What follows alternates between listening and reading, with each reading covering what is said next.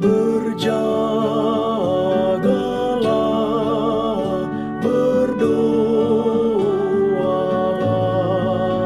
siang malam berjaga dan berdoa. Mari bersama Radio Advent Suara Pengharapan mengikuti pelajaran Alkitab melalui audio Sekolah Sabat.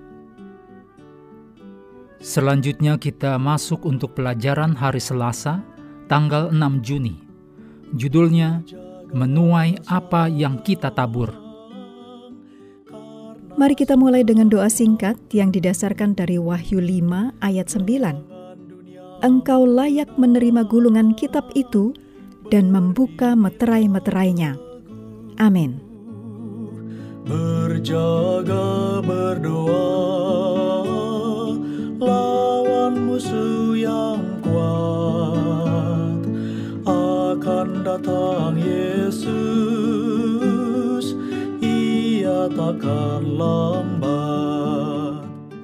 Nubuat tentang tanda binatang itu adalah tentang intoleransi agama, boikot ekonomi, penganiayaan, dan akhirnya keputusan kematian.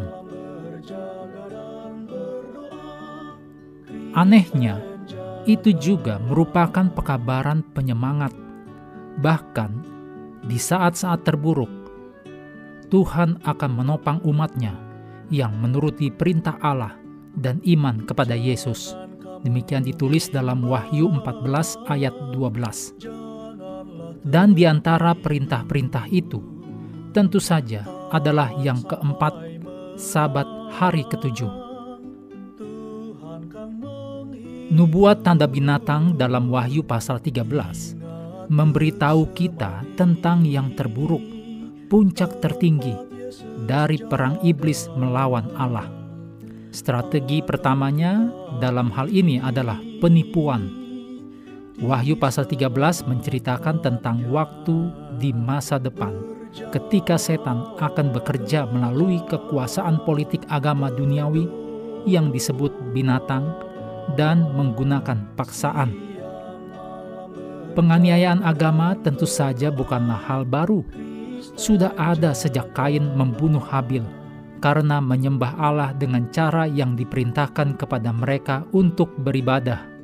Demikian ditulis dalam Kejadian 4 ayat 1 sampai 8. Yesus berkata, penganiayaan akan terjadi bahkan kepada orang-orang percaya di abad pertama dan terus selama berabad-abad.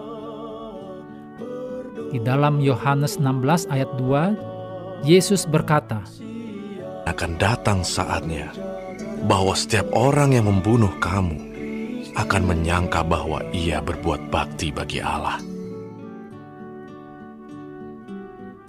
Nubuat tanda binatang adalah tentang mata rantai terakhir dalam rantai kefasikan ini. Seperti penganiayaan di masa lalu, itu dirancang untuk memaksa setiap orang untuk menyesuaikan diri dengan seperangkat kepercayaan tertentu dan sistem ibadah yang disetujui. Wahyu pasal 13 ayat 15 sampai 17 menyatakan hal yang akan dihadapi umat Allah di akhir zaman dalam krisis terakhir. Nubuat itu mengatakan penganiayaan akan dimulai dengan sanksi ekonomi.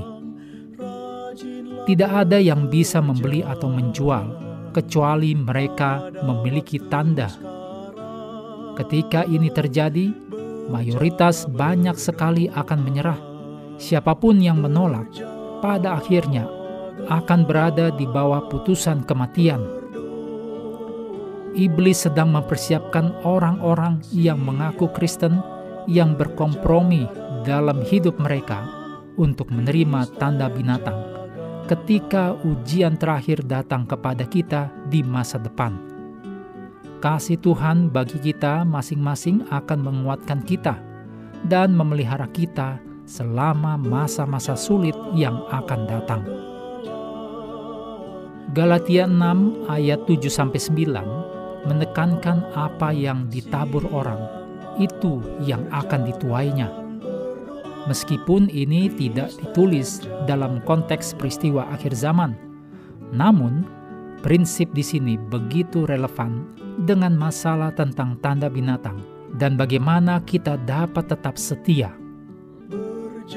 Mengakhiri pelajaran hari ini, mari kembali ke ayat hafalan kita dari Wahyu 7 ayat 2 dan 3. Dan aku melihat seorang malaikat lain muncul dari tempat matahari terbit.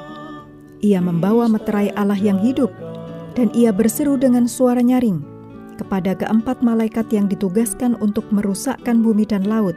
Katanya, "Janganlah merusakkan bumi atau laut atau pohon-pohon sebelum kami memeteraikan hamba-hamba Allah kami pada dahi mereka." Kami terus mendorong Anda mengambil waktu bersekutu dengan Tuhan setiap hari bersama dengan seluruh anggota keluarga, baik melalui renungan harian, pelajaran sekolah sahabat, juga bacaan Alkitab sedunia, percayalah kepada nabi-nabinya, yang untuk hari ini melanjutkan dari Mazmur pasal 31. Tuhan memberkati kita semua.